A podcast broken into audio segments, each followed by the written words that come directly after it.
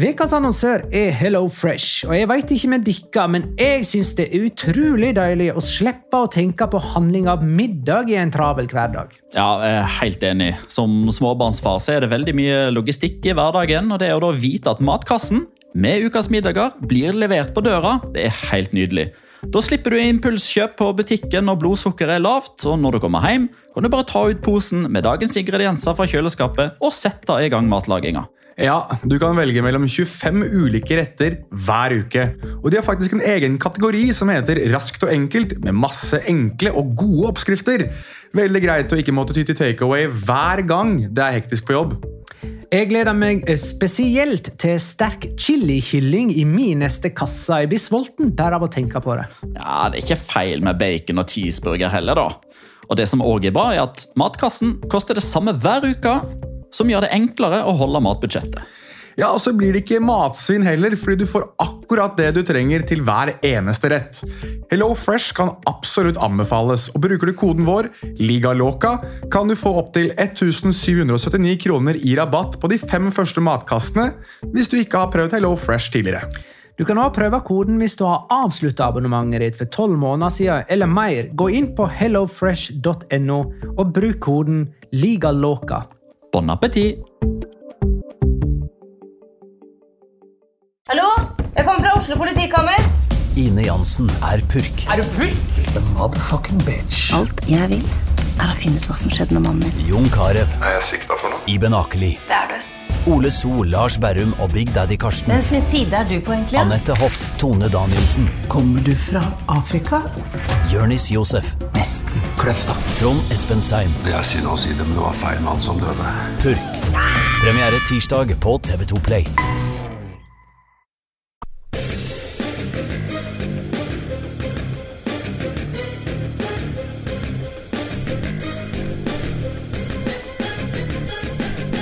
Har du sett? Real Madrid er 19 poeng bak Barcelona.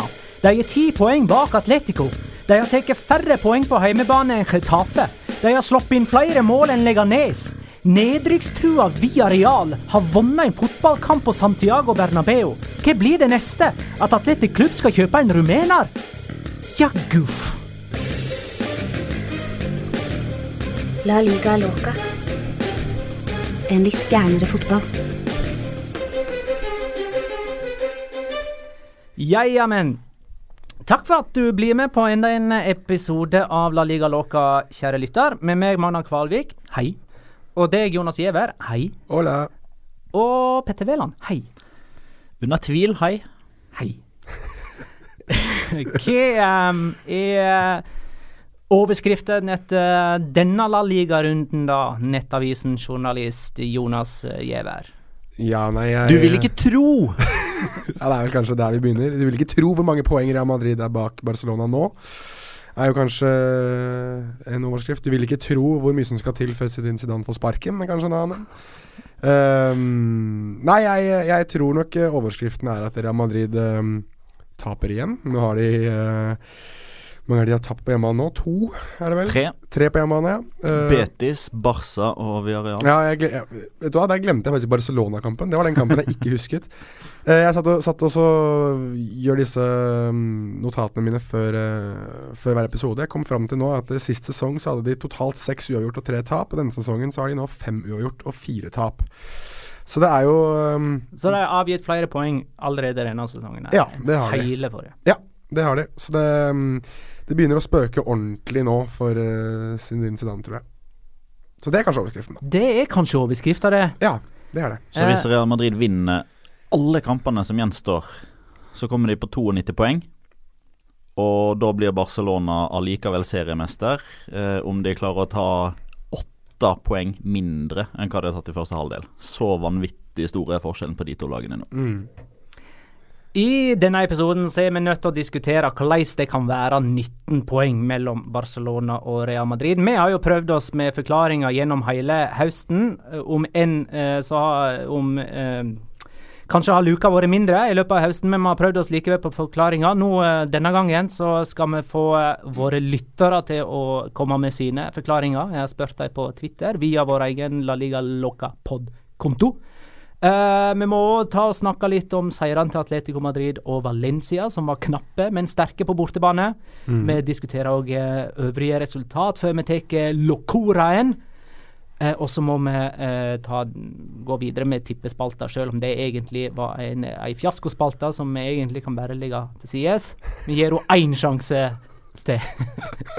Men sånn, aller først Jan André Mræshagen spør Får Zidane sparken snart?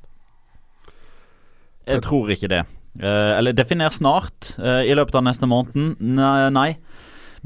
Det eneste som må skje da, i løpet av den neste måneden, eh, dvs. Si før PSG-kampen, er at de må fortsette å tape fotballkamper. Eh, og nå har de Deportivo, de har Levante, eh, en vanskelig bortekamp mot Valencia. Men tre av de neste fire kampene er jo kamper som vi normalt sett ville ha sagt at Real Madrid vinner med bind for øynene og hender bundet bak på ryggen.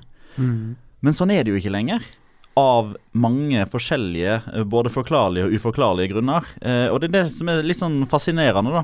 Eh, du har stilt spørsmålet, Magna. Jeg regner med at du har fått 15 forskjellige svar på hva som er grunnen til at Real Madrid eh, gjør det så dårlig? Kommer til det. Ja, ikke sant? Men, uh, Men vi først og fremst nå stillingen til Zidane. Ja, ja, ja, ja, vi skal ta det òg. Men, men, men det er jo Jo, men det bringer meg over til det som er poenget mitt.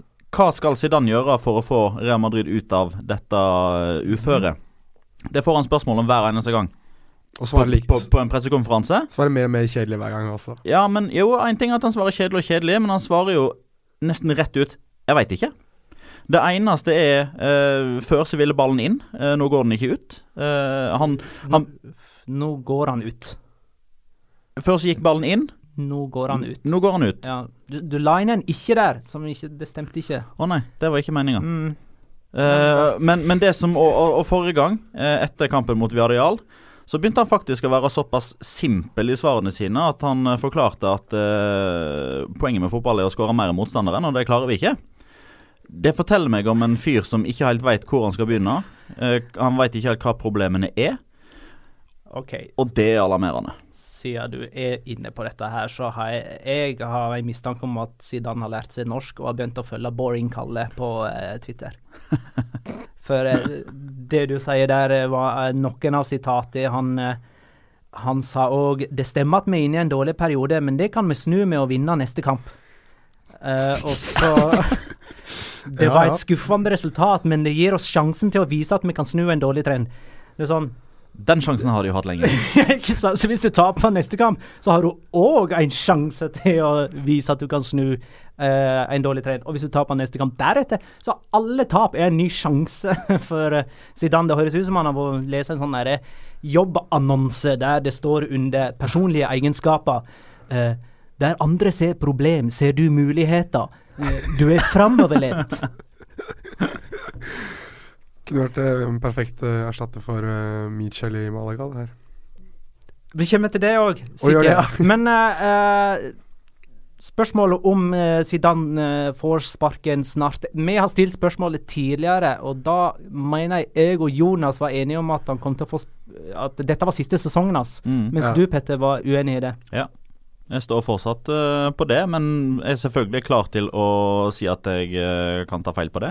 Hvis de ryker mot PSG, da får Florentino Perez såpass mye press utenifra at da vet jeg ikke om han tør å stå i stormen. Samtidig så er det nå engang sånn at hvis Real Madrid skal sparke en trener midt i sesong, hvem står klar til å ta over da? Og er det, er det da egentlig noe poeng? Fordi når man spiller kampene mot PSG, da vet man hvordan det har gått i Copa del Rey. Da er man enten i finalen, eller så er man slått ut. Så da har man enten ingenting eller en finale å se fram til. Én kamp, nøytral bane, og man vet ikke hvem motstanderen er eh, for øyeblikket.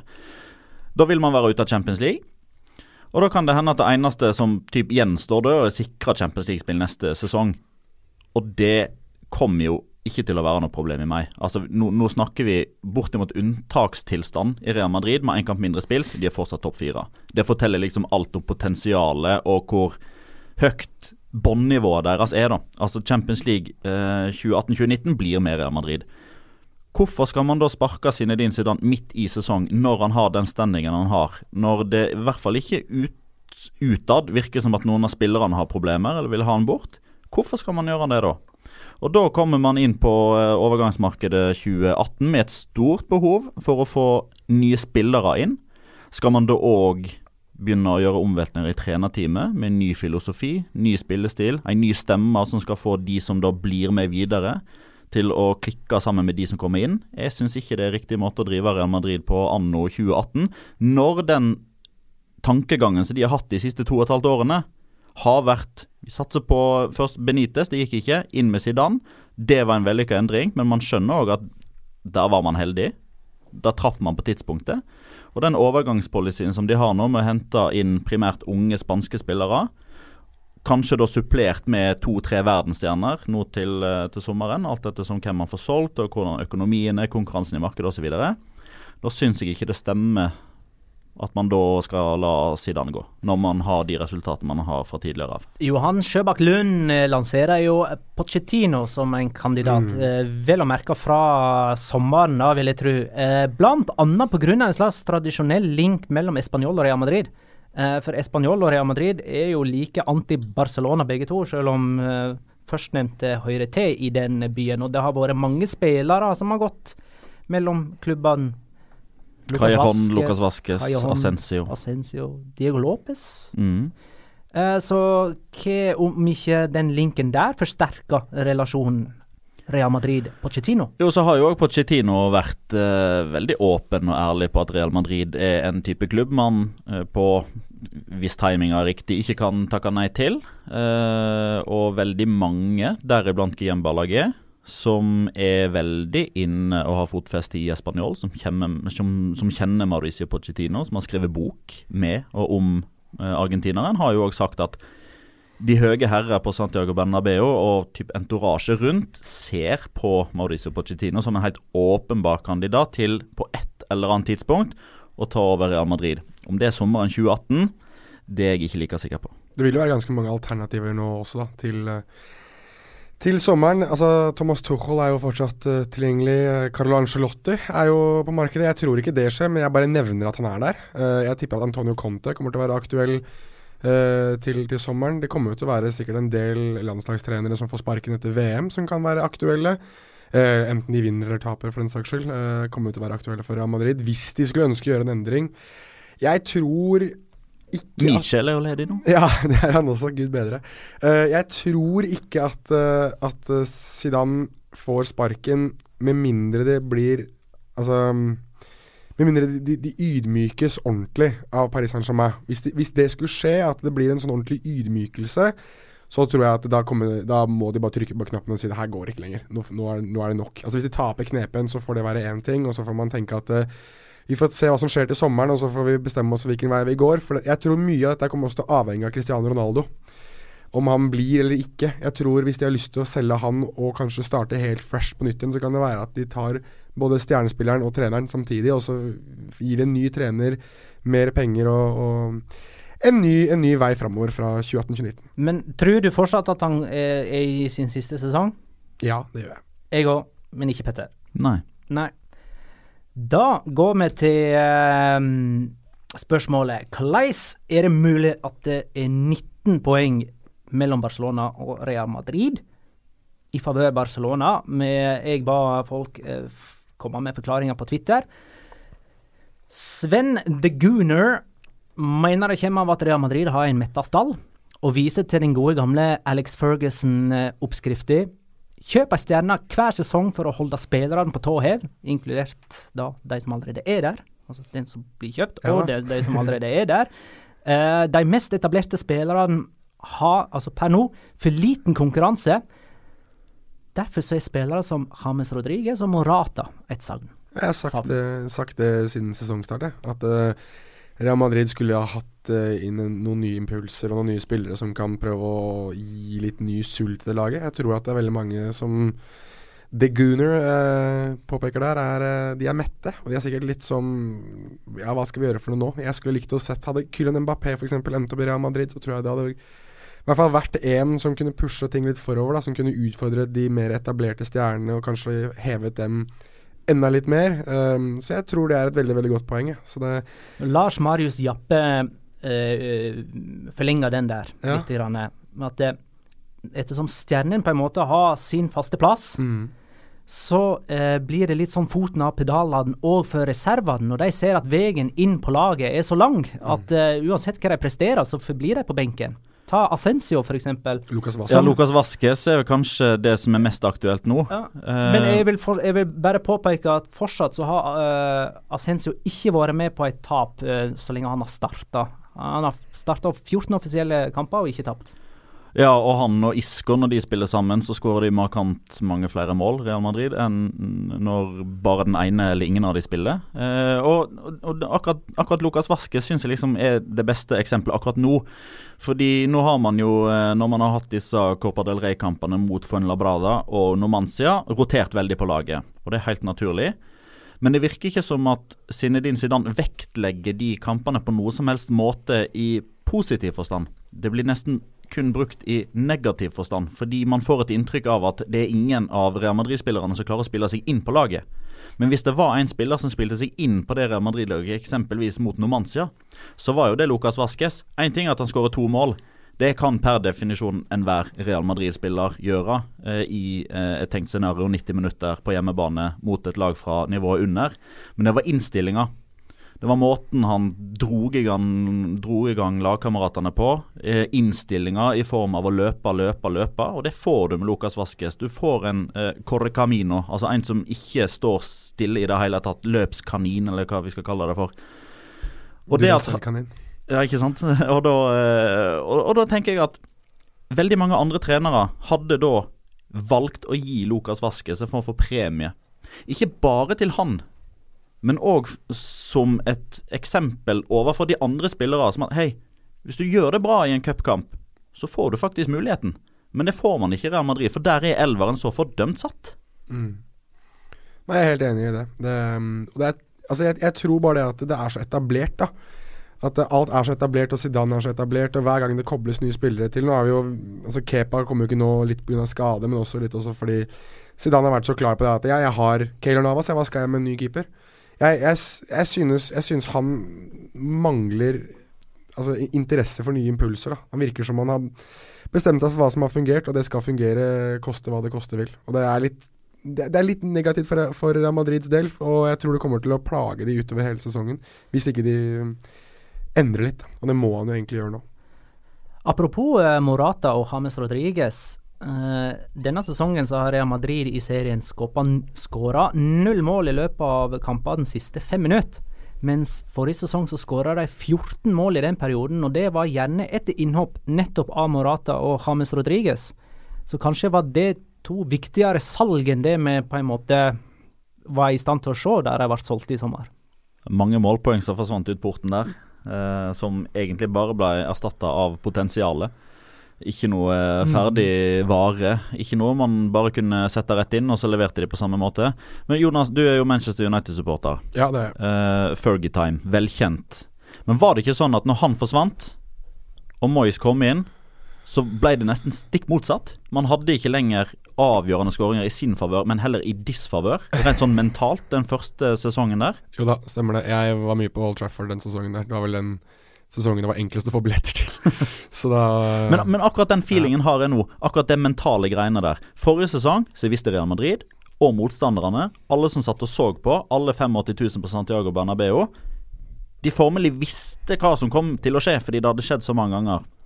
Så kommer det en helt ny sesong, og så knyter det seg de første to-tre kampene, og så er man inne i en spiral som man ikke kommer seg ut av. Real Madrid Villarreal 0-1. Nå kommer skåringa 88 minutter. Real Madrid Betis. Nå kommer skåringa 91 minutter.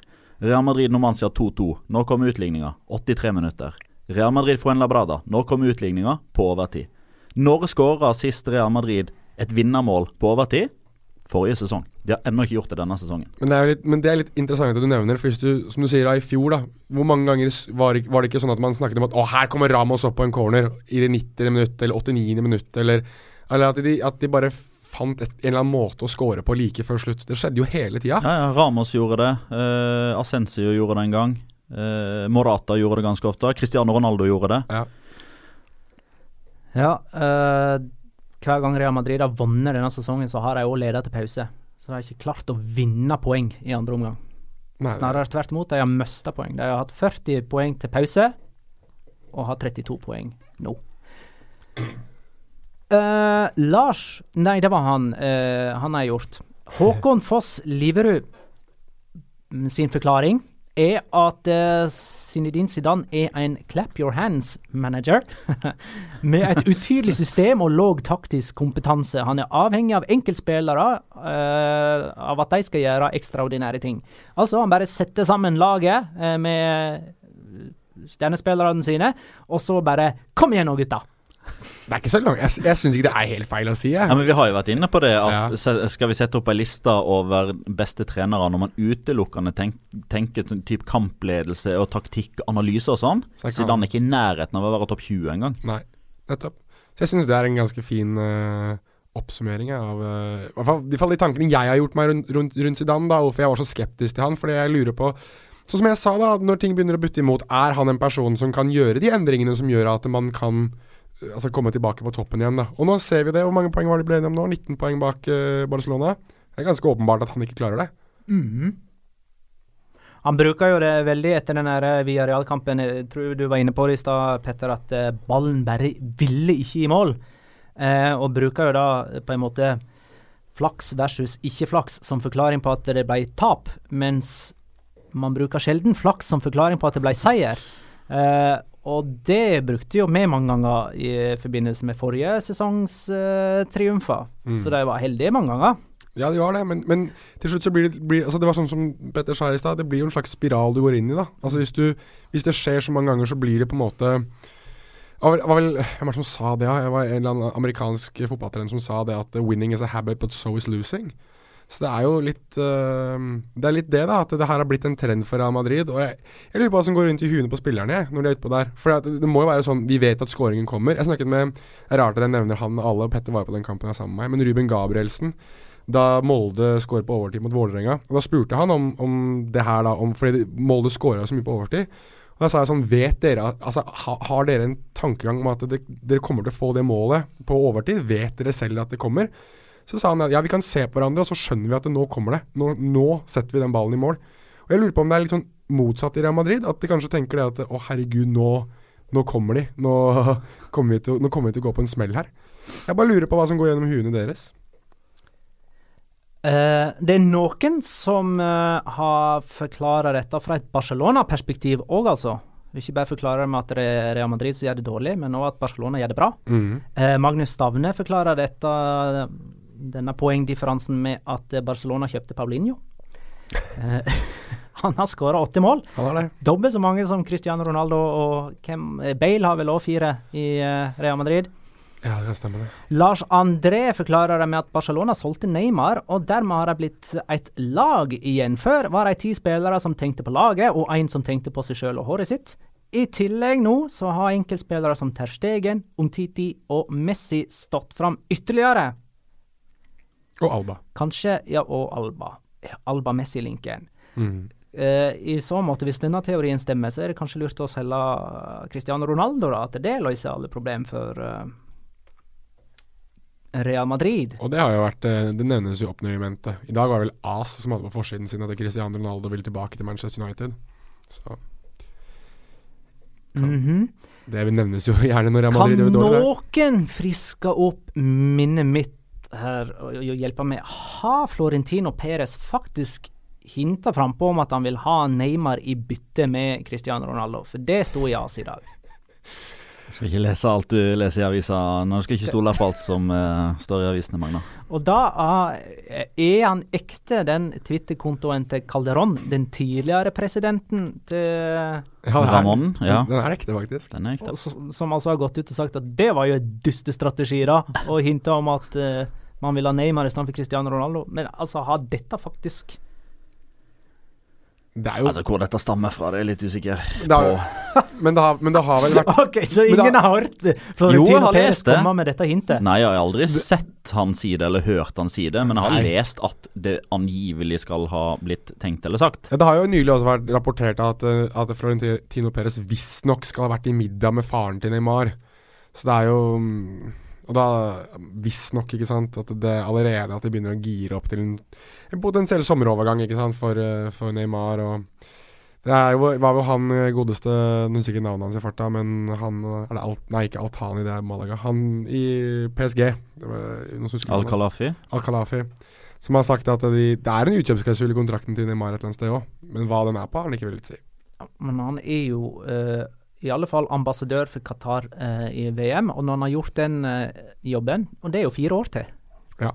Så han kan vel ikke reise til Real Madrid før han har gjort eh, ambassadørjobben ferdig for Qatar. OK. eh, er det på tide nå, siden vi er nå på Barcelona-forklaringene her Er det på tide nå at vi sier at Barcelona er et kjempegodt fotballag? Ja! Ja Det syns jeg. Dere husker at jeg stilte det spørsmålet for et par måneder siden? sant? Jo. Ja. Mm. Ja. Men de er jo mye bedre nå enn hva de var da. De er jo det. De er bare kjempegode, jo. Ja, jeg Ja, nå, ja. kontinuerlig gode nå. Jeg, jeg syns de var gode før jeg stilte spørsmål òg, sist. Ok, Nei, jeg, jeg mente Jeg står fortsatt på at de, de første to, eh, to og en halv månedene, eh, kanskje til og med tre, Ja. under uh, Ernesto Valverde, så var det såpass mye safety first. Det var såpass få kjempeoverbevisende seire ut ifra de forutsetningene, ut ifra de forventningene vi- har, at jeg fortsatt mener at jeg på mange måter kan stå igjen og, eh, og, og mene at jeg hadde riktig. Til tross for at de var serieleder mot det svakeste Real Madrid-mannskapet på 12-13 år, rent poengmessig, så syns jeg ikke de var kjempegode de første to-tre sesongene. Den siste måneden, halvannen derimot, meget, meget gode. For at Vetle Olsen spurte jo deg på Twitter. Hva er det Valverde har gjort som er så bra, utenom det å ta masse poeng? Kanskje det er noe han skal høre. For det du, det du sier her, er jo at uh, han starta med en slags safety first-strategi. for Valverde gikk jo gjennom en krise i sommer med dette Barcelona-laget uten å ha spilt en kamp, nesten. Eh, ja, han spilte jo to kamper mot Real Madrid, som var en ganske stor fiasko. Eh, mens eh, Zidane nå er, i i krise. Og hvordan løste Valverde det? Jo, safety first. Ja, enkelt og greit. Tok mindre risiko. De hadde flere spillere bak ballen. De eh, i tiltagende kraft hatt flere sentrale midtbanespillere på midtbanen. Og ikke da i form av den velkjente treeren eh, som vi husker tilbake igjen til med Chavi Busquets Iniesta, som Luis Henrique eh, prøvde å etterfølge, men som han til slutt eh, endte opp med å neglisjere. Da gikk ballen rett fra forsvarslinja og fram til Messi, og Suárez og Neymar. Eh, mens Valverde skjønte at skal Barcelona bli den maktfaktoren igjen, så må midtbanen igjen begynne å bli på mange måter det, det pulserende, bankende hjertet i laget. Og der har jo inngangen av, eller den eh, inntredenen til Paulinho vært langt bedre enn hva alle hadde sett for seg. Sjøl Valverde og Robert Fernandes tror jeg er mildt sagt sjokkert over hvor bra det faktisk har vært, og hvor mye han faktisk tilfører da, i form av løpskraft, timing på løpene sine inn i boks, duellstyrke, vinne andre baller sammen med Busquets.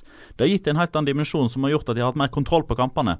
Det har ikke ofte vært like deilig fotballkamper å se på. Det har ikke vært 4-0, 5-0, 6-0, 7-0, 6-1, 5-2, sånn som man ofte så.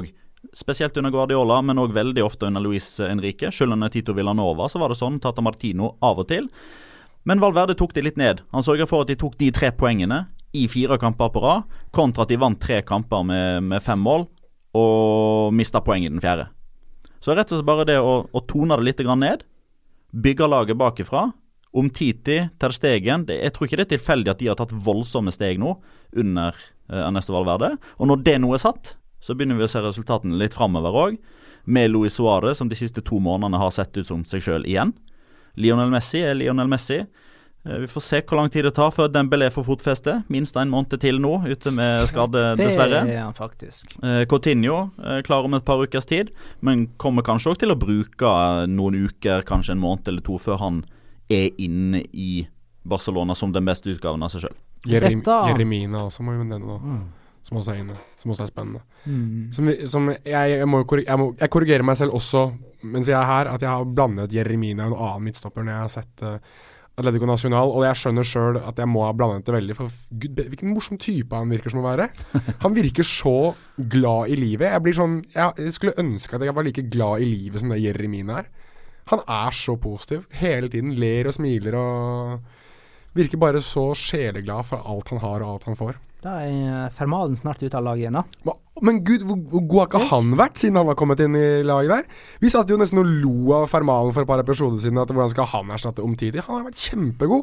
Det skulle være svake leddet for Barcelona i El Clásico. og- Han har vært fantastisk bra. Jeg har vært ordentlig imponert over hvordan han har prestert. Det, så Fermalen eh, må vi nesten eh, Det blir moro da når vi får Tom og Jerry ved siden av hverandre i midtstopper midtforsvaret til For øvrig, bare for å ha skutt inn, Jeremine er jo faktisk oppkalt etter Jerry, altså Tom and Jerry. Altså moren og faren til eh, Altså mor og far Mina var uh, veldig glad i Tom og Jerry, og oppkalte sønnen sin etter da uh, Jerry, som da er musa. vel? Men, men eh, har vi da et uh, nytt sånn søramerikansk tilfelle av foreldre som ikke helt vet hvordan man skal stave navnet på barnet etter Ja. oppkalling?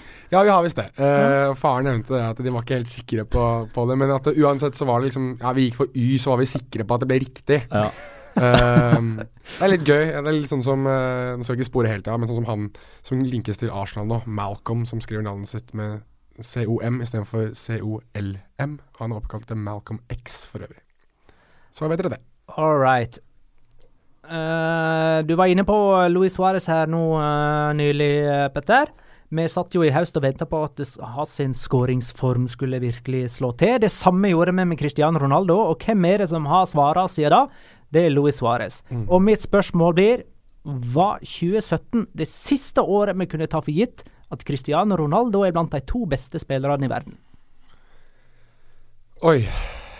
Ja, jeg Du spør veldig veldig bra, Magnar. Eh, jeg ser at du, du ser veldig fornøyd ut med deg selv etter det spørsmålet, og det, er, det har du all grunn til. Og jeg tror du har eh, Med mindre Ronaldo gjør noe helt vanvittig bra i VM, eller at Real Madrid skulle vinne Champions League igjen nå, og han skulle være så viktig for dem som han har vært i de tidligere Champions League-seierne, så tror jeg at det, dette her er nok første året hvor vi ser at det ikke er Messi og Ronaldo. Um, Nei, det kommer veldig veldig an på. Det er to turneringer som skal avgjøres. Det er som alltid har mye å si, disse kåringene her. Altså, det er VM og Champions League, og de kommer nok til å være um, tunge på vektskålen for Ronaldos del. Altså, li- Ligatittelen er jo long gone, og det virker jo som han har tidenes verste periode. Så det, um, det blir spennende. Men jeg tror, jeg tror vi kommer til å ende opp med at Jeg, jeg, jeg legger uh, brannfakler og det som er, og sier ja, jeg tror at det er siste sesongen tror ikke vi ser han i Nyon, eller hvor det er de deler ut disse prisene, eller Paris eller hva det er. Jeg tror ikke han kommer til å være blant de topp to til, eh, til desember. Føler du deg fortsatt like trygg på at uh, Cristiano Ronaldo når som helst bare kan bøtte inn ti mål på fem kamper, Petter? Ja. Men uh, ikke like å si. Jeg føler meg sikker på at han fortsatt har det i seg. Det har jeg.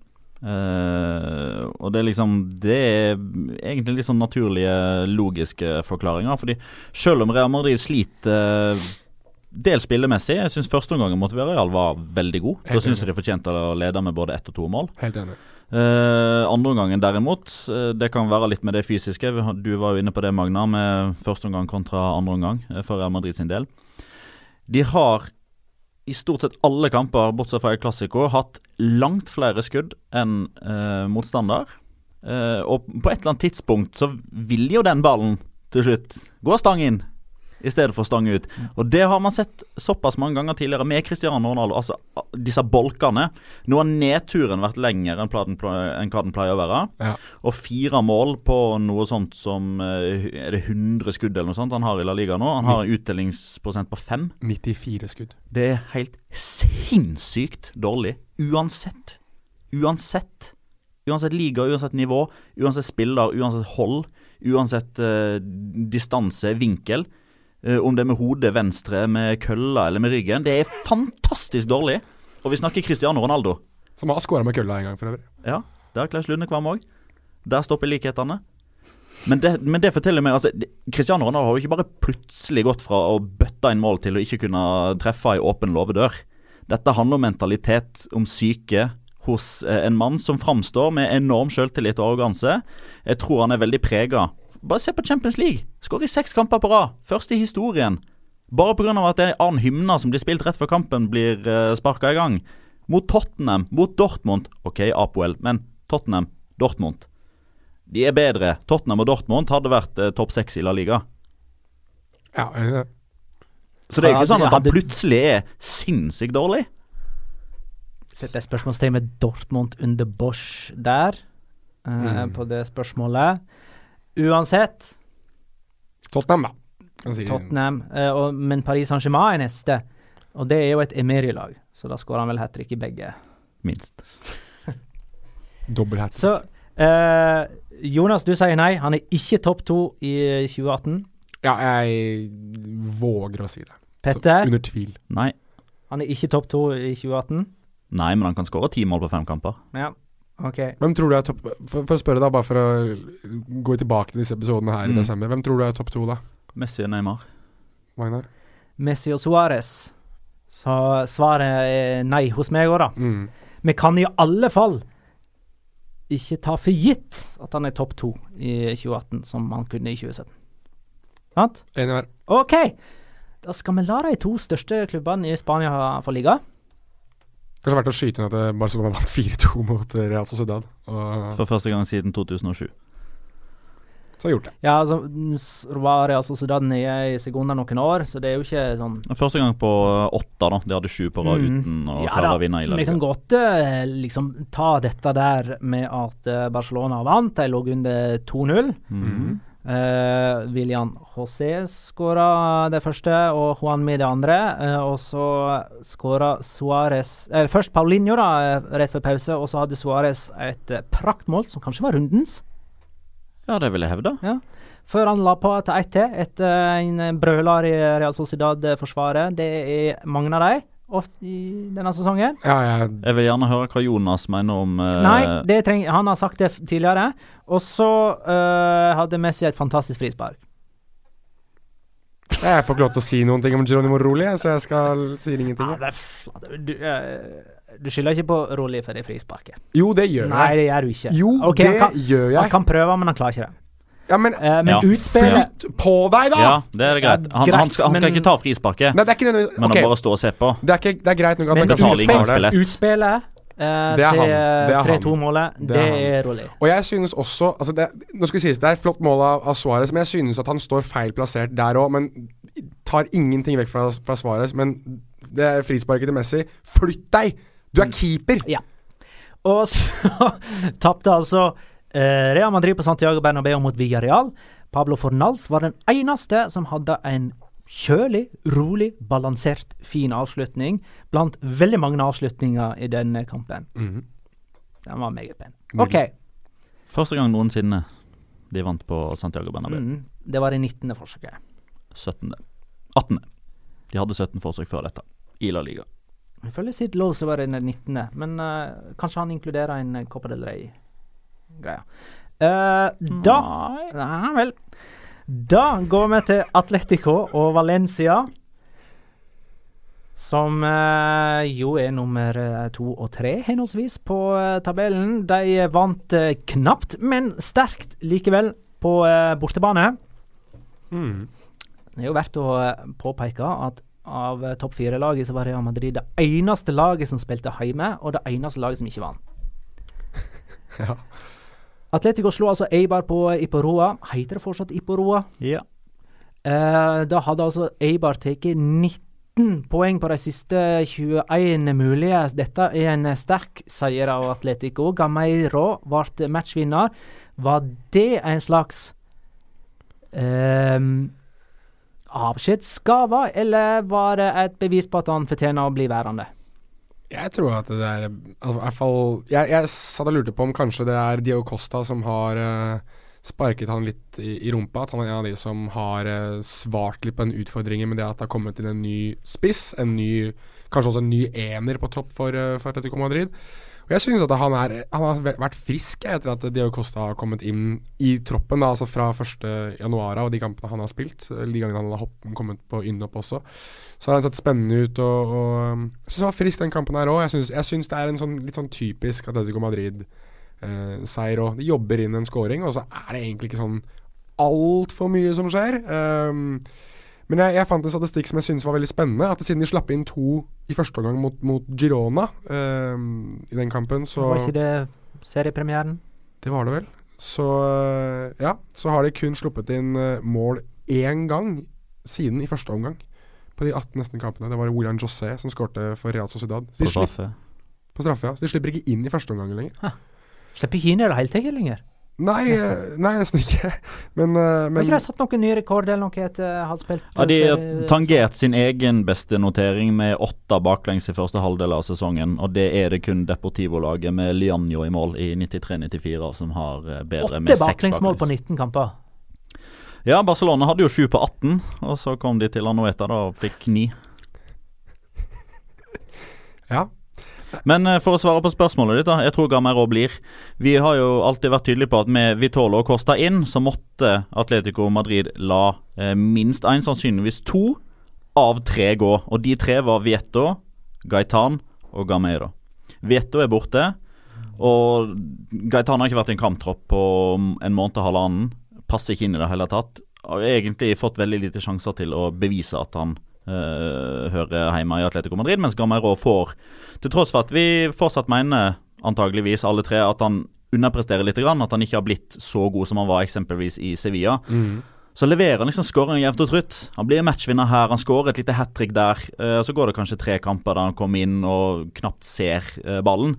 Men han har en mye bedre dynamikk, en mye bedre posisjon, bedre samarbeid med eksempelvis Antoine Griezmann, landsmann, enn hva Nicolas Gaitan har, egentlig med, med noen. Så hvis Og det skriver jo Marca òg, de har jo på mange måter eh, egentlig satt to streker under svaret for oss. Eh, Atletico Madrid, eh, stallen ut sesongen, er satt, med ett mulig unntak, og det er dersom eh, de får et godt nok tilbud på Gaitan. Watford skal være interessert. Ja. Kan Vieto spille mot Atletico? Det er jeg ganske sikker på at han ikke kan. Clausula de miedo, shit your pants clause. Men var ikke den klausulløsningen der uh, i, oppe til høring og uh, ulovlig og sånne ting? Uefa. Ja. Chelsea, Atletico i Champions League. Da var jo Uefa inne og sa at Chelsea kunne ikke bestemme hva Atletico Madrid skulle gjøre med deres spiller. I La Liga fortsatt lov. Ah. Mm. Skjedde senest denne helga her. Med Gi meg to sekunder. Nei, men jeg driver alltid og eh, skriver opp troppene og skriver hvorfor de ikke spiller osv. Det var en som hadde pga. klausul i kontrakten. Da kan jo jeg nevne imens at eh, Atletico sin neste motstander er nettopp Girona Mm. eh, hjemme. Nå begynner man jo på starten igjen. Ja, nettopp. For sånn gjør man det i La Liga. Man Stemmer. kjører samme programmet første og andre halvdel av sesongen. Bare at den ene spiller hjemme, altså Ja. hjemme og borte Mm. bytter. Er Zakaria Bakali kunne ikke spille for Deportivo mot Valencia på lørdag. Den er grei. Hva med Valencia, da? 2-1 Galant overgang til Ja. Deportivo Valencia. Eh, 2-1 borte mot uh, Deportivo. Et sterkt resultat, men veldig heldig, vil jeg likevel uh, påstå. Gedes sin skåring kom som resultat av en ganske så stor keepertabbe. Årets største. Sesongens største. Det vil jeg si. Ja, den er nok, eh, er nok der, ja. Og Rodrigo Moreno eh, sitt skudd endra retning. Mm. Etter at Alben Albentosa hadde begynt å filosofere over livets mysterier med ballen i beina, og så ikke at Santimina var rett i nærheten. nemlig forspillet der. Um, men så uh, Stian spør uh, etter at uh, Gedes eh, skåra og uh, greier Paris Saint-Germain ser ut til å ha verdsatt han til 70 millioner euro. Vi skal ikke glemme at Gedes er på lån fra Paris Saint-Germain. Har Valencia noen uh, opsjoner eller noe forkjøpsrett i uh, kampen om Gedes? De, de har ikke noe som de bare kan eh, slenge i bordet og si eh, 'hør her, han er vår'. Eh, men de, de har jo allerede et form for initiativ fordi man har opparbeida denne dialogen. De har snakka sammen, agentene kjenner hverandre. Det er jo Jorge Mendes som er agenten til Gonzalo Gedes. Han har et veldig godt forhold til Peter Lim, som er Valencias eier. De to har snakka veldig mye sammen de, de siste to månedene i Valencias forsøk da på å sikre seg Gonzalo Gedes på permanent basis. Men de har ikke et type trumfkort som de bare kan slenge ned i bordet og si at eh, nei, men vi tar den for 40. Eh, vi bryr oss ikke om at dere har fått et bud på 70 millioner euro fra Manchester United eller Arsenal eller Real Madrid eller hvem det nå skal være. Det er det ikke. Så hvis det blir en ren økonomisk duell, adios Valencia. Eirik Strøm Pedersen, eh, hørte deg kommentere kampen, eh, Petter. Og der skal du ha sagt at eh, noen av spillerne har gått ut og sagt at det er vanskeligere for Valencia nå fordi at motstanderne har funnet ut av angrepsmønsteret deres. Mm. Så Strøm Pedersen spør har Marcelino kapasitet til å løse det problemet der? Er han fleksibel, eh, skråstrek taktisk dyktig nok? Jeg mener at han har forutsetningene til det. Skulle vi rangert de 20 La Liga-trenerne ut ifra kampledelse og taktikkeri og, og, den type tingen, så hadde Marcelino vært topp fem for min del. Eh, sammen med Simione, bl.a. Eh, Pablo Machin. Mens Zidane eh, eksempelvis hadde vært på nedre halvdel. Men han har andre kvaliteter som passer veldig bra i, i Real Madrid. Han kan klappe. Han kan Kom klappe. igjen, gutta! Og han har en aura, Og Eh, flinke medier, sier vi. eh, sier vi. Sier du. Men Marcelino han er jo en taktiker av rang. Eh, en av hans største forser, kanskje den største sammen med det å, å, å vite og det å sette pris på at djevelen ligger i detaljene, med, med kosthold og vektoppfølging og, og den type ting, og alltid holde spillerne på tå hev og få liksom eh, så mye sitron ut av eh, Eller få så mye saft ut av sitronen som overhodet mulig. Men de siste to månedene, to og en halv månedene, så syns jeg det er ganske lenge mellom hver imponerende Valencia-kamp. Mm. Og det var jo en, en Altså, etter den perioden der de valsa over både Malaga og eh, Betis og Sevilla og Atletic og Real Sociedad, så kom de inn i en periode der de var mer heldige når de slo Alaves. Mm. Eh, de var vel heldige når de slo Leganes. Og så var de kjempeheldige når de slo Español. Mhm. Og så kom poengtapet mot Barcelona. Så tapte de mot Retafe. eh, Så tapte de mot Eibar. Så tapte de mot Villarreal. Til og med. Til og med. Skyter Magnar inn. Og de slår Deportivo, som du sier. Eh, litt fordi de er dyktigere med ball, og det er jo selvfølgelig en god kvalitet. Men òg pga. at de har marginer imot. Eh, eller marginer med, eh, og Deportivo da, Coronia har marginer eh, imot. Det er personlige feil hos Deportivo og en bom som jeg har registrert at du lo veldig mye av, eh, Magnar, fra Adrian Lopez på overtid. Så han, han har ikke nå den siste måneden halvannen vist at han faktisk har svaret på dette. For jeg syns fortsatt de sliter spillemessig. Det er lenge siden man har liksom sett både Gedes og Santimina og Sasa i fri utfoldelse i mange angrep på rad, der motstanderen står eh, liksom sjokk, sjokkert igjen og lurer på oi, hva var det som traff oss? Men jeg tror han har det i seg. Jeg tror han klarer det i løpet av våren. Håkon spør hvordan passer Coquelin inn i Valencia? Eh, og blir han like lik Kondogbia, godeste Jonas, du som har hatt eh, øyne til Premier League i mange år, og et spesielt et til Valencia og i La Liga-sammenheng? Ja, um, han kommer vel sikkert til å være den spilleren som skal bryte opp uh, motstanderens rytme og tempo, og skal vel gjøre det mest mulig enkelt. Og på mange måter så skal han nok gjøre veldig mye av det Kondogbia har gjort. Jeg synes ikke at uh, Coquelin har den samme ja, Han har jo åpenbart ikke de samme fysiske forutsetningene da Kondogbia er en kjempe, og Coquelin er nå jeg er ikke sikker på høyde og vekt og sånt, men han ser jo ikke så mye Ser ikke så stor ut. Men han har en vanvittig arbeidskapasitet. Han er flink til å komme seg i riktige posisjoner. Det var jo en, en halv sesong der for Arsenal der man oppriktig talt begynte å snakke om at han burde være i den franske landslagstroppen, fordi at han gjør det så så bra for en så stor klubb som Arsenal. Jeg synes det var litt merkelig å, å lese. Det var vel sikkert Arsenal-fansen som i stor grad Det var da han det. kom tilbake eh, Ja. fra lån hos Charlton. Det kan stemme, det. Eh, Andre halvdel av den 14-15-sesongen. Ja, var en slags åpenbaring da, uh, uten tvil. Så jeg, jeg synes at han har vel sikkert et ganske høyt potensial. Jeg er ikke mm, aldri vært helt solgt på han, men jeg synes det er interessant og spennende at eh, Valencia, som vi har tidligere snakket om, at det har vært en sånn slags gravplass for eh, store talenter eller folk som ikke har helt uh, fått det til i andre klubber, og fått de opp og fram. Uh, så det kan jo være at Coquelin blir en, en, den nyeste skal kalle den nyeste gravstenen der, eh, er noen reiser Så, så de er døde og begrava når de kommer til Valencia, er det det du sier? Det er mange som i hvert fall avskilta de helt. Så kan vi jo, kan vi jo godt uh, snakke om at de kanskje ikke er gravlagt helt ennå, men de er vel i kiste på vei ned uh, six feet under, og så reiser de seg opp igjen på slutten der. Han starta sammen med Parejo sentralt på midtbanen mot Deportivo og ble bytta ut i det 83. Uh, men er ikke det nettopp det, det som er den store styrken til Marcelino? Å få um, ganske mye ut av spillerne sine? Sitron, saft ut av sitron. Det var min metafor på det. Godt poeng. Jeg er enig i det. Den er grei. Så vi får se hvordan det går med Valencia. Vi kan jo uh, bare uh, nevne sånn i uh, farten at Valencia er nummer tre på tabellen. De ligger elleve poeng bak Barcelona. Atletico er nummer to. De ligger ni poeng bak Barcelona. Det er ganske store luker nå, altså. Det må jeg si. Mellom nummer én og to, og nummer tre og fire.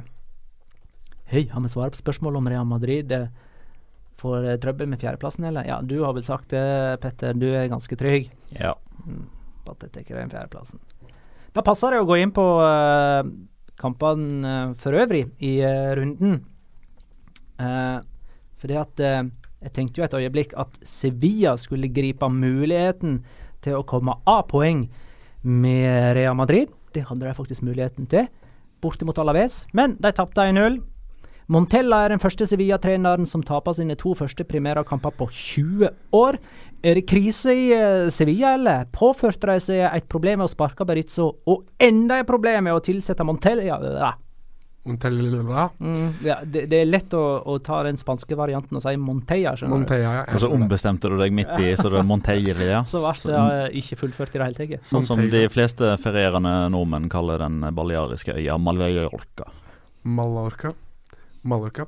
Nei, jeg øh, Jeg Det var vel i dag det ble rapportert om at øh, ultrasene møtte opp på treningsfeltet til øh, Sevilla for å protestere og vise sin avsky mot uh, de dårlige prestasjonene nylig, og det er jo egentlig um, ganske forståelig. Først så taper de hjemme mot Betis i, i det sevianske derbyet, og så følger de opp med å også tape mot uh, det mange har ansett som den klareste dumpekandidaten uh, Alaves, som nå faktisk ligger på trygg plass. Ja vel. Um, Monir El Haddadi redder plassen til Alaves. ja, jeg tror ikke det. Jeg syns, det var imponerende. Uh, de jobbet steinhardt, og de fortjente jo egentlig seier nå, men jeg syns det er et Sevilla som på veldig mange måter har mistet seg selv litt. Um, og må kanskje på Altså, jeg, jeg lurer bare på hvor stort et tap av Monchi egentlig har vært, jeg, for den klubben der. Um, og Fordi det virker som de mangler plutselig en identitet. Der det har vært så klart hvordan de skal se ut, og hvordan de spiller, og hva de er for noe, så vet man ikke helt lenger hva de er. Um, Det er fortsatt San Pauli for meg, altså. Som er det store, store tapet til Sevilla. ja, det kan godt være det òg. Han er jo en Er det krise, eller? Ja, jeg vil nesten si at man nærmer seg det. Uh, Hva er statsa?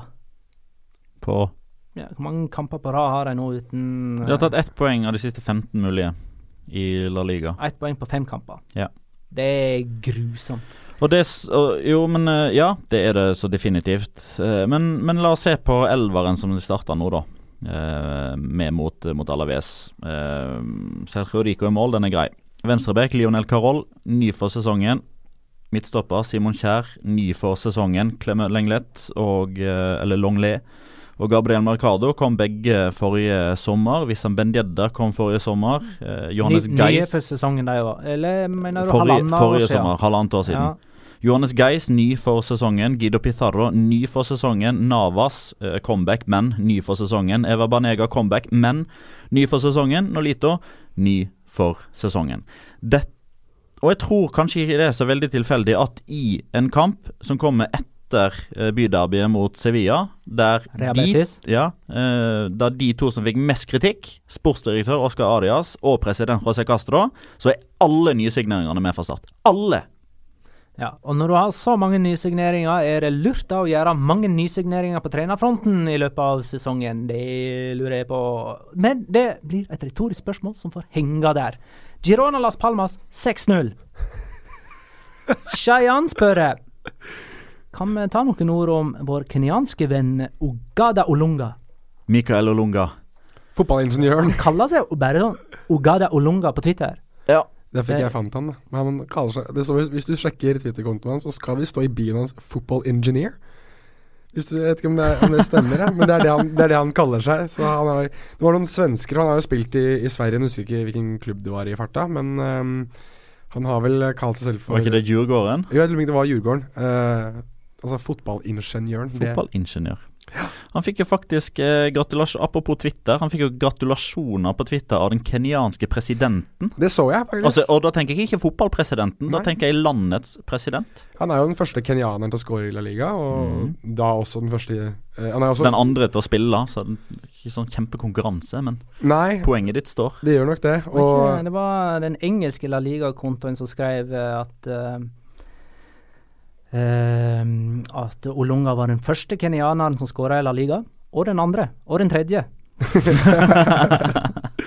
Nei, han, eh, og så er han vel også den første til å skåre hat trick for Girona i La Liga, vel. Så han ble historisk eh, på både én og to måter, eh, godeste Olunga. Og han skåret i det 57., 70. og 79., så på 22 møter så har han skåret flere mål i La Liga enn det Karim Benzema har den sesongen. Og I tillegg så hadde han målgiverne og var tredje sist på den uh, Altså Han, var- han var direkte involvert i fem av fem skåringer etter at han kom inn. Ja. David Garcia og um, Chimo Navarro, som var to av eh, tre stoppere som spilte fra start eh, for Las Palmas. Eh, altså Vi kjenner jo til at Kanariøyene ligger jo nede ved det afrikanske kontinentet. Jeg tror ikke de legger sommerferien sin til Kenya. Nei, jeg tror ikke jeg heller. De blei herja med. Og jeg, tenker så, jeg tenkte som så at Maritzo Lemo spilte jo ikke, så hvor ille kunne det ha blitt hvis han hadde spilt da? På vei til Italia, han nå. I snitt slipper Paco Hemes lag inn fire eller mer mål hver sjette kamp. Eh, Tommy Welde spør Fins det noe håp for Las Palmas for å unngå nedrykk, Det er altså. kun- De ligger dead last. Én mann som kan redde de nå. Kun én mann! Nå har du fått blod på tann. Åh, Loic Remy! Det er nå! Det er nå det smeller! Man må jo, jeg så, så i dag at det var rapportert at den sportslige ledelsen i Las Palmas har sagt til Paco Hemmes at gi nå den mannen en sjanse. Ja. Og jeg er helt enig. Paco Hemes, hvis du hører dette, gi han en sjanse. Dale un chance! Kom igjen! Altså, Hvor mange mål er han har? Fem? Har han fem mål, ja? Ja, ja, ja. I La Liga, sant? Ja, det, det ja, ja. der veddemålet ligger. Ja, ja. Mm, mm. Ja da, han har det. Og jeg tenker jo det at Og han er altså på vei ut pga. slappe holdninger. Ja, øh, og det at Paco Hemes mener at han ikke gir alt. Og det har han nok helt sikkert rett i òg, for den saks skyld. Men øh, Kan hende han har rett i det, men så virker det jo også som at uh, Loic Rimi på 80% er veldig mye bedre enn alle Las Palmas-spillere, med unntak av Jonathan Viera på 100% Så for å svare Tommy Welde, så eh, er det håp for Las Palmas. Hvis Loic Remy blir, eh, får eh, tillit, da kan de hente inn igjen de sju poengene de har henta på laget som ligger over streken. Deportivo Alaves for øyeblikket, ja, sammen med Levante. remissanse på øh, Las Palmas. Getafe Malaga 1-0. Har Michel fått sparken? Ja! Gard Albertsen spør Tror vi Malaga berger seg. Nå er det sju poeng opp til trygg grunn for dem òg. De ligger jo eh, A-poeng med Las Palmas, da, helt nederst. Las Palmas og Malaga er 17-18-sesongens svar på Granada og Osasona forrige sesong. Ja, det er det. Og de var akterutseilt i februar. Det er ferdig, der, der er det ferdig. Altså For Malaga så er det altså, Jo, men de har jo nå uh, bytta trener. Nei, men jeg tror ikke det har så mye å si. Altså Det laget der er Jeg synes Altså Når, når Itorra hentes inn for å, for å styrke laget Ja, men det er to uker igjen. Og det kan hende at eh, José Gonzales har andre tanker enn Michel Gonzales, med tanke på hvor man skal hente inn spillere. Manu Torra for øvrig. For de som ikke tok den. Men uh, Nei, jeg, jeg synes bare at det- jeg, jeg, Det jeg kan si om Malaga som jeg virkelig mener, da, er at de Det er kanskje det laget av de som er nede, som har vist at de, de vil så utrolig mye. Men de får det bare ikke til, fordi de er ikke gode nok. Det, altså, det er en tropp av spillere som ikke er gode nok for La Liga, mener jeg. Og så får vi se da om, om de nye impulser kan, kan rette på det, men jeg, jeg synes bare at det er så gjentagende hver eneste uke, nesten. At det, altså, de vinner jo en kamp i ny og ne, eh, og tar poeng i ny og ne, men altså, hovedsakelig så ser det bare ut som et lag som, av, av spillere som summert opp ikke er gode nok. Jeg støtter Jonas. Malaga er ikke gode nok til å holde seg. Las Palmas rykker òg ned fordi at de tar selvmord hver helg. Levante Celta Vigo 0-1. Der er det noe langt mer enn fotball man skal prate om, altså. Tydeligvis. Eh, Eller noe langt annet, kan jeg kanskje si. Ja vel. Vass uh, skåra og assisterte i forrige kamp eh, for Celta Vigo mot Real Madrid. En annen danske, nemlig Sisto, skåra denne gangen mot Levante for Celta Vigo. Levante i fritt fall med sju seriekamper uten seier. Mm. Hva er det vi skal snakke om? Jefferson Lerma og Jago Aspas. Ja, rasisme. Mm. Hvis Jago Aspas har sagt det Jefferson Lerma var veldig klar på at han har sagt, så er det Altså, det hører ikke hjemme i fotballen overhodet.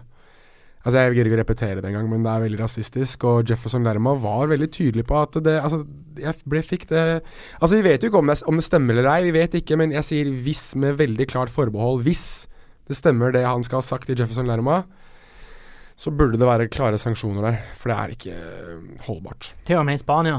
Jeg mener Uansett hvor. Ja, ja, eh, vi Ja, ja, ja. kan mene, Ja, ja, ja. eh, men Nei, nei, altså nei, nei, nei, nei. Nei, nei, altså Greit nok at det ordet som begynner på N og slutter på egro, har en litt annen uh, kontekst innimellom i, i, i spansk. Men her har Altså, det han har sagt, som, som Jefferson Lerma sa på, på TV og vel i radio også, det har det, Du kan ikke misforstå det, du kan ikke mistolke det på noen slags måte. Det er bare Han har historie i Aguaspas, Ikke en Ikke sånn historie. kanskje. men han uh, har vært ei bølle. Eh, For- ja, med, altså uten at vi skal slakte Iago Aspas med tanke på at man er uskyldig til det motsatte er bevist osv.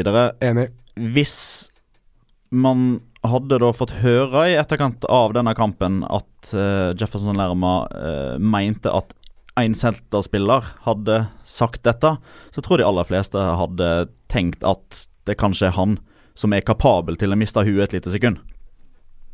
Men han har, tek, han har gått ut til sitt forsvar. Det har. Aspas har sagt at det som blir sagt på banen, blir uh, værende der. Så derfor kommer ikke, han, derfor kom ikke han til å si hva Lerma kalte han. Uh, men det stemte ikke det som Lerma mente at Aspas hadde sagt. Nemlig. Så får vi se hva som skjer. Men jeg, helt- men jeg syns vi skal oppsummere det med, at, eh, med to ting. Jeg vet ikke om dere alle er enig i det, men hvis, hvis Jago Aspas ha sagt det han har sagt, så har det ingen plass verken i fotballen eller noe annet sted i verden. Og så må vi også huske på at det, man er uskyldig til det motsatte er bevist. Så det er eh, de to tingene vi tar derfra.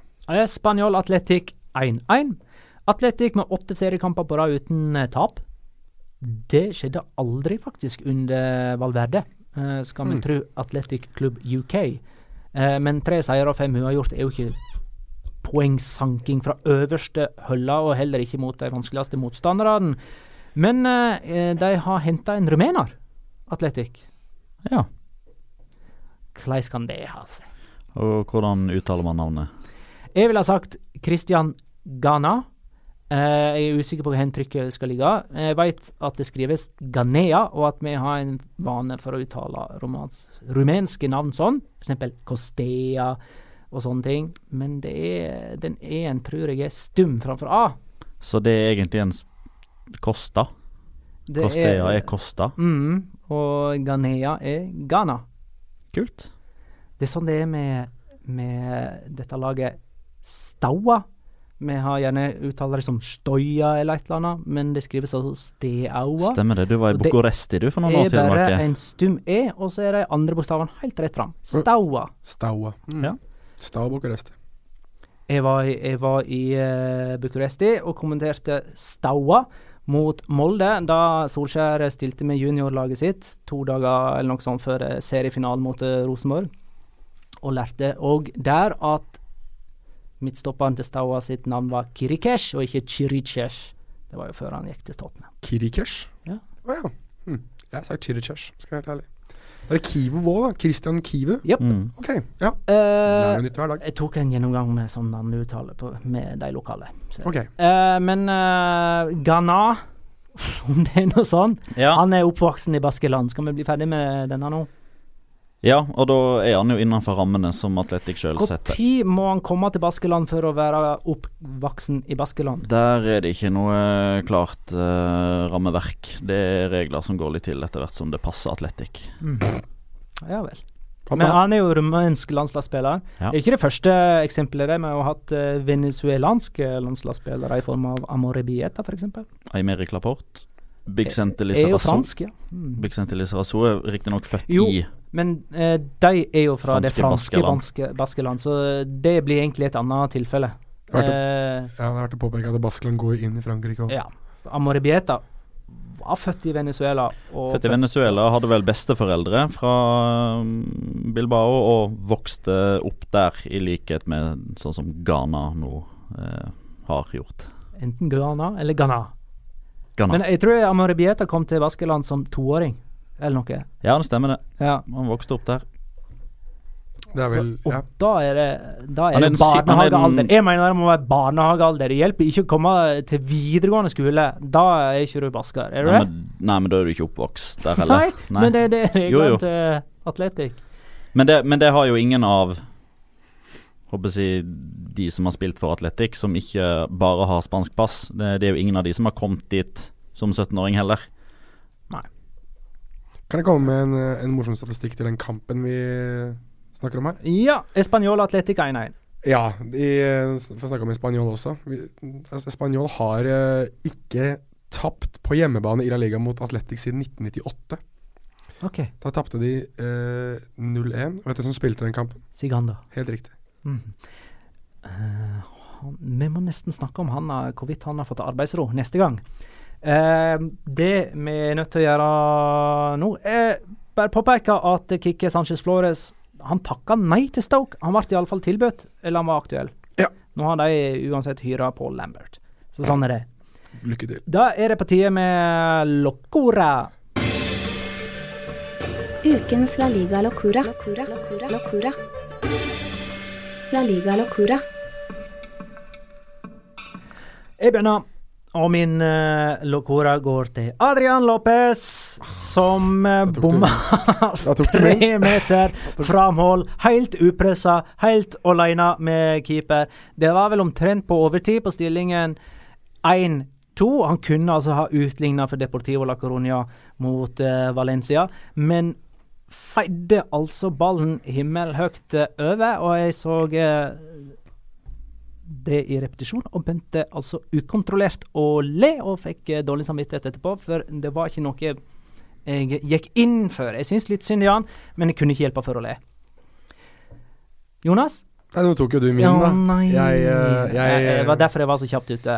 Nei, jeg skjønte det. ha Jeg- jeg skjønte. Programlederrolla i den sammenhengen der. Jeg kan jo komme med, med en annen uh, Locora. Nå har jeg ikke statistikkens Jeg har jo ikke, sitter jo ikke på noe statistikk nå, da. Men jeg så i dag, uh, for å være litt spontan med Locoraen min, er at uh, Cristiano Ronaldo har blitt kåret til månedens spiller i Real Madrid for desember. Eh, og da var det vel bare La Liga som var, uh, var inne i, uh, inne bildet. Hvem er det som kårer dette? Jeg vil jo tro at det er Real Madrid, da. Ma, det er Maho, en avstemning. Er det det? En av sponsorene. en Er det, er det support... Maho Thinko Estrellas. Ja, er det, er det Avstemning. supportere som stemmer av? Ja, det er jeg ganske sikker på. Ja, uansett, da. Om det er supporter og du stemmer på Cristiano Ronaldo som månedens spiller for desember, så um, det virker, det virker bare veldig Det virker veldig lite gjennomtenkt. eh, og det virket som en sånn type pris som du gir Cristiano Ronaldo for å holde han fornøyd og blid. eh, I hvert fall fram til 31.1, før du hører sutring og grining igjen. Så eh, for å være veldig veldig spontan, for jeg hadde nå gjort meg klar til å slakte Adrian Lopez, jeg også, eh, så blir det det som blir min locora. Da har vi også snakket om Michael og Lunga, og har snakket om at Cristiano Ronaldo har fire skåringer på 94 forsøk denne sesongen. Da er jeg han der igjen, som tar sånne uh, wacko-statistikk-greier. Én. Én statistikk, ja. Ja, bra. Uh, Melero Lopez, uh, en av våre kjære 20 La Liga-dommere, han eh, presterte i oppgjøret mellom uh, Girona og Las Palmas og delte ut seks gule kort i løpet av 4 minutter og 27 sekunder. Og det var ikke en sånn type eh, flokkering rundt dommer der fire mann fikk protestkort og filming for det femte, var det femte fordi man ikke fikk straffespark og hyl og grin. Det var seks forskjellige situasjoner. Flekka gult kort hvert 40. sekund. Vet du det gjerne er? Det er sånn som dom, en dommer som er litt lei av å løpe, som bare tenker at nå må jeg bruke litt tid her. bare gir et ekstra kort for å skrive og ta seg en liten pause, og så skjer det en gang til, så er han fortsatt litt sliten. Så fortsetter han å gi kort. Resultatet i den kampen er jo en liten locura, ikke det? Det er det òg. 6-0 til Girona Og, og Lunga med hat trick er òg litt sånn Mm. wacko som innbytter. All right. det var uh, statistikken. Ja, en, annen, en, en annen statistikk som vi kommer til å bli slakta for, vi ikke nevner. Lionel Messi, 366 uh, Ja. mål nå. Bra, Jonas. Tenkte det var fin å ta. Da er han den uh, mestskårende, vel, i de topp fem divisjonene. Det blir jo da England, Tyskland, Spania, Frankrike og Italia. Italia. 366 mål nå. Da er han gått forbi Gert Müller, som hadde rekorden tidligere. Tidenes mestskårende i en av de fem store seriene. Stemmer. Den er sterk. Den er ganske sterk, altså. Han har gått forbi uh, Gert Müller, som altså hadde da 365. Ja.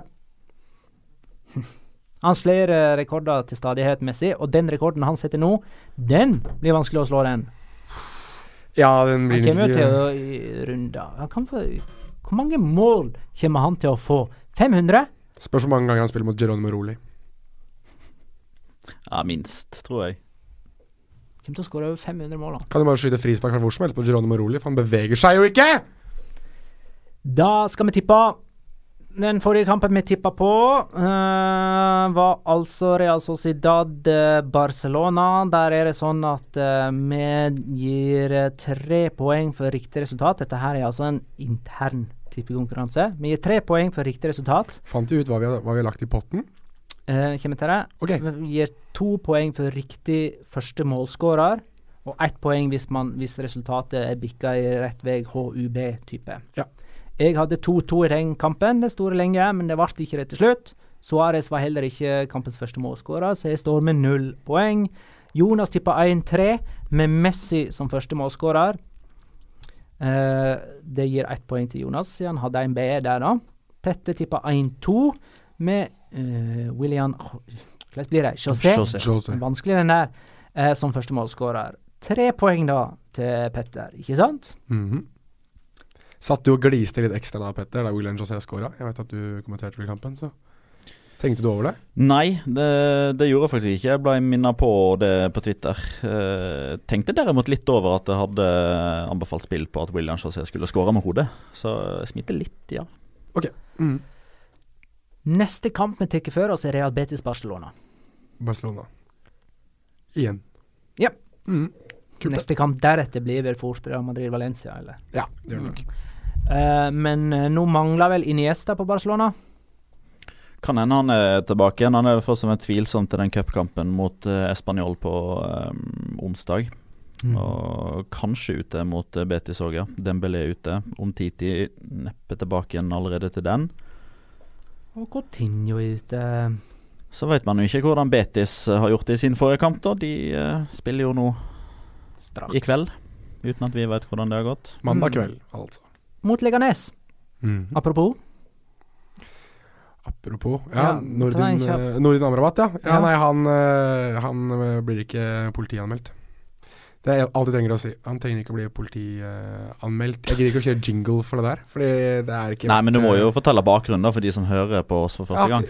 Ja, at han slo til en, eh, en Hva blir det for noe? En støtteapparat til Levante, var det ikke det? Eh, etter å ha blitt eh, tatt av banen, så Utvist. Eller utvist, faktisk. Og klarte da å, rett før jul, å slå til en av uh, støttemedlem... Eller en støtteapparatet til Levante. Der var det snakk om at han skulle bli politianmeldt. Det ble han vel kanskje òg. Men uh, har vel ikke blitt funnet skyldig eller uh, må, må sone noe, noe fengselstid der. Det synes jeg var litt uh, hyggelig for hans del, men det hadde jo også for min del vært, vært vann på mølla til at han er ja. En Du klarer ikke å holde det kortet? Ja, Nei, jeg gjør ikke det. Fordi, fordi jeg har så mye på hjertet om han, men jeg, klarer, jeg prøver å finne liksom Real ett ord hele veien, og det er vanskelig. Betis Barcelona 2-5. Første målskårer Suárez. Betis Barcelona 2-3. Første målskårer Sergio Leon. Betis Barcelona 1-5. Uh, første målskårer Gerard Piquet. Dette var kjedelig tipping.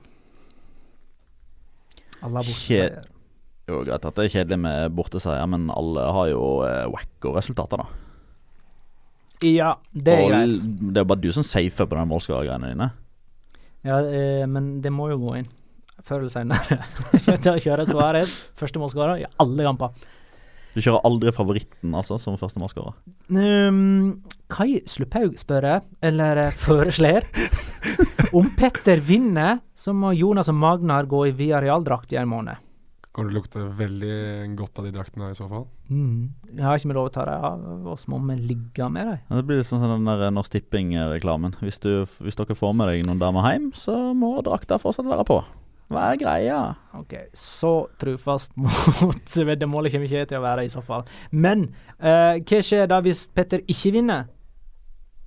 Nei, de Han har tydeligvis bestemt at Petter allerede har vunnet, han. Så det, Han holder da Petter som soleklar favoritt og vinner vinne den konkurransen. Vi holder det forslaget åpent. Det er det eneste forslaget vi har fått inn på hva som skal skje med vinnere eller tapere i Ja, da syns jeg folk må sende inn enda flere Enda flere forslag. For hvis, hvis det blir jeg som vinner, så føler ikke Altså, jeg er ikke den type, type fotballsupporter som føler en sånn enorm glede over at noen må liksom straffes med å gå med mitt favorittlags i drakt.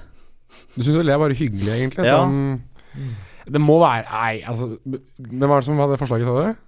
Det? Forslaget er fint, det. Det er det beste vi har fått til nå. Topp én Ja, foreløpig. Ja, topp én, men det er lista, Kan hende det blir andreplass ved neste lista forslag. er ikke sagt det, er, det er ikke høy liste her, for å si det sånn. Da, hvis det skal være tilsvarende hvis jeg vinner, så velger jeg det engelske favorittlaget mitt, sånn at Petter må gå i Liverpool-drakt. Og du, Jonas, i Liverpool-drakt i en måned. Det har jeg faktisk gjort en da, gang da tidligere. blir det faktisk straff. Eller ikke glem da, folkens, at det er Copa del, del Rey denne veka. Onsdag går Español Barcelona, Atletico Sevilla og Valencia Alaves. Pene kamper. Torsdag Leganes Real Madrid. Da har vi sagt det som eh, sies skal i eh, denne La Liga Loca-episoden, episode 19. Ja, ja, ja. ja, kom ja. Tusen takk for at du Men, men du må jo kjøre Jeg minner deg på det hver gang. Jeg. Du må jo kjøre hva, hva folk skal gjøre for noe. Gå inn og like oss på Ja, ta det, da. Ja, gå Jeg inn og si tusen takk for at du liker oss på Insta... eh, Ja. Men uh, Ja, det, du. vær så snill, gå inn og lik eh, La Liga Loca på iTunes. Følg oss på La Liga Loca Pod på Twitter. Gi oss en rating i iTunes. Og ja, hvis du, hvis du liker oss så godt at du vil kjøpe en T-skjorte, så er creativemidfielder.co.uk. Scroll ned, finn La Liga Loca. Bestill eh, den T-skjorten du liker best. Kanskje du bestiller alle T-skjortene. Jeg fikk mine fire denne uka her. Ja, og den, de er plassert da i fotballbua til eh, Petter allerede. Så gjør som Petter, og hvis du liker podkasten, det hjelper oss litt nå. Få ord. Der har du. Altså. Tusen takk, kjære lytter. snakket jeg fort.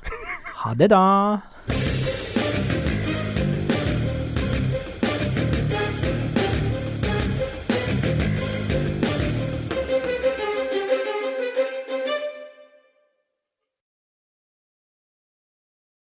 Har du et enkeltpersonforetak eller en liten bedrift?